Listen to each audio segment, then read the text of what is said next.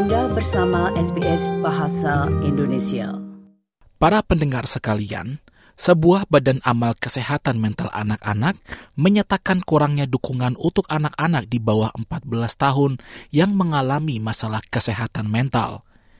Kids Express menemukan satu dari tiga orang tua di Australia mungkin tidak dapat mengenali tanda-tanda kesehatan mental yang buruk pada anak-anak yang dapat mengakibatkan dampak negatif jangka panjang di masa dewasa.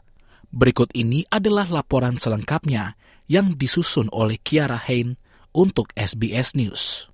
Masa kanak-kanak sering kali ditandai sebagai masa riang tanpa tanggung jawab dan stres, dan biasanya mengalami masalah kesehatan mental dikaitkan dengan masa dewasa. Namun bagaimana jika asumsi tersebut salah atau bahkan merugikan? Hal itulah yang disarankan oleh Badan Amal Kesehatan Mental Anak-anak Kids Express. Pendiri dan CEO Margo Ward mengatakan masih kurangnya kesadaran mengenai kesehatan mental anak-anak di Australia.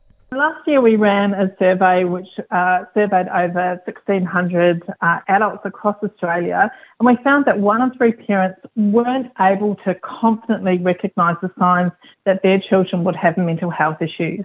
And this was quite a surprise when you then realise that our parents, our caregivers that wrap around our children actually weren't confident to know if their child was okay. Data terbaru dari Biro Statistik Australia menunjukkan bahwa penyakit mental mempengaruhi satu dari tujuh anak yang berusia antara 4 dan 11 tahun di Australia.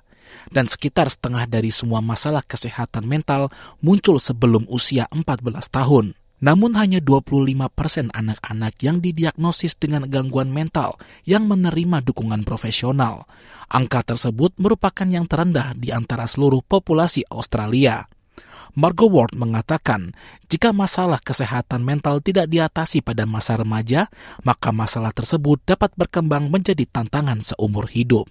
It's really critical that we are now looking at children's mental health as not only an early intervention, but a prevention strategy across the age span of our mental health for Australians as a whole. So it's really critical that we actually do this. But we also know that failing to recognise those mental health problems in children can lead to depression, anxiety, um, po- even post traumatic stress disorder as we grow into young adults and, and to adulthood. So it's critical that we actually intervene as early as we possibly can. Jadi bagaimana Anda bisa tahu jika seorang anak dalam hidup Anda mengalami kesulitan? Dr. Ian Perkis adalah psikiater anak dan remaja di Universitas New South Wales dan jaringan rumah sakit anak Sydney. Dia menjelaskan tanda-tanda ketika seorang anak sedang mengalami kesulitan. So the signs might include, for instance, uh, difficulty falling asleep uh, or staying asleep. So sleep disturbance can be a sign.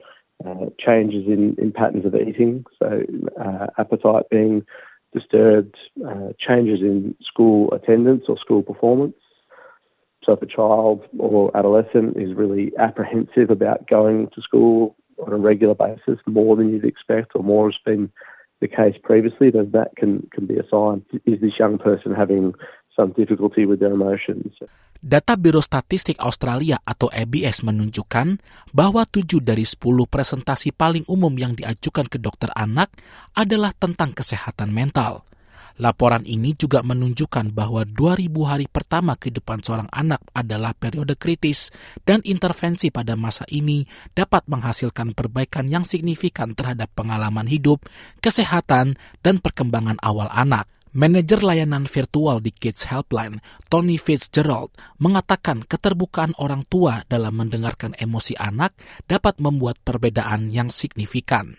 About 37% of all of our contacts at Kids Helpline come from children who are aged 14 years or, or, or younger. So, so we know it's a significant issue. I think the first thing is, uh, you know, making space for a for a conversation and also to listen and, um, you know, just try and tease out what's what might be going on. But if if a parent's really concerned, it's about really trying to get to access a healthcare professional. Um, um, who then can help them explore some paths to, to getting support, whether that's through, you know, um, through seeing a psychologist or a psychiatrist or, or other supports that might be available. Data dari ABS menguraikan berapa banyak anak yang mengalami gangguan kesehatan mental di Australia sejak tahun 2013 atau 10 tahun yang lalu.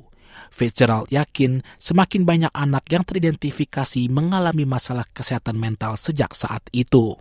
Through whatever determinants there are, whether it's social media or whether it's some um, other kind of impacts within the community that are impacting our young people's mental health. We have seen a rise in in reports around mental health um, impacting our young people. So, so certainly it's probably a combination of a number of factors. Um, the the the increase in messaging around help seeking, but also, you know, those those factors that impact the lives of our young people. Um, you know, it's it's tough growing up as a child and a young and a young person these days, and there are a whole range of factors that impact um, their health and well-being, um, and that's something that we need to be cognizant of.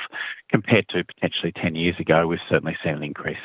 Dr. Perkis mengatakan diperlukan lebih banyak investasi pemerintah untuk meningkatkan pilihan dukungan bagi anak-anak baik di sekolah maupun secara umum. I think there's been some really great in investment um, from different governments, uh, but there's a long way to go.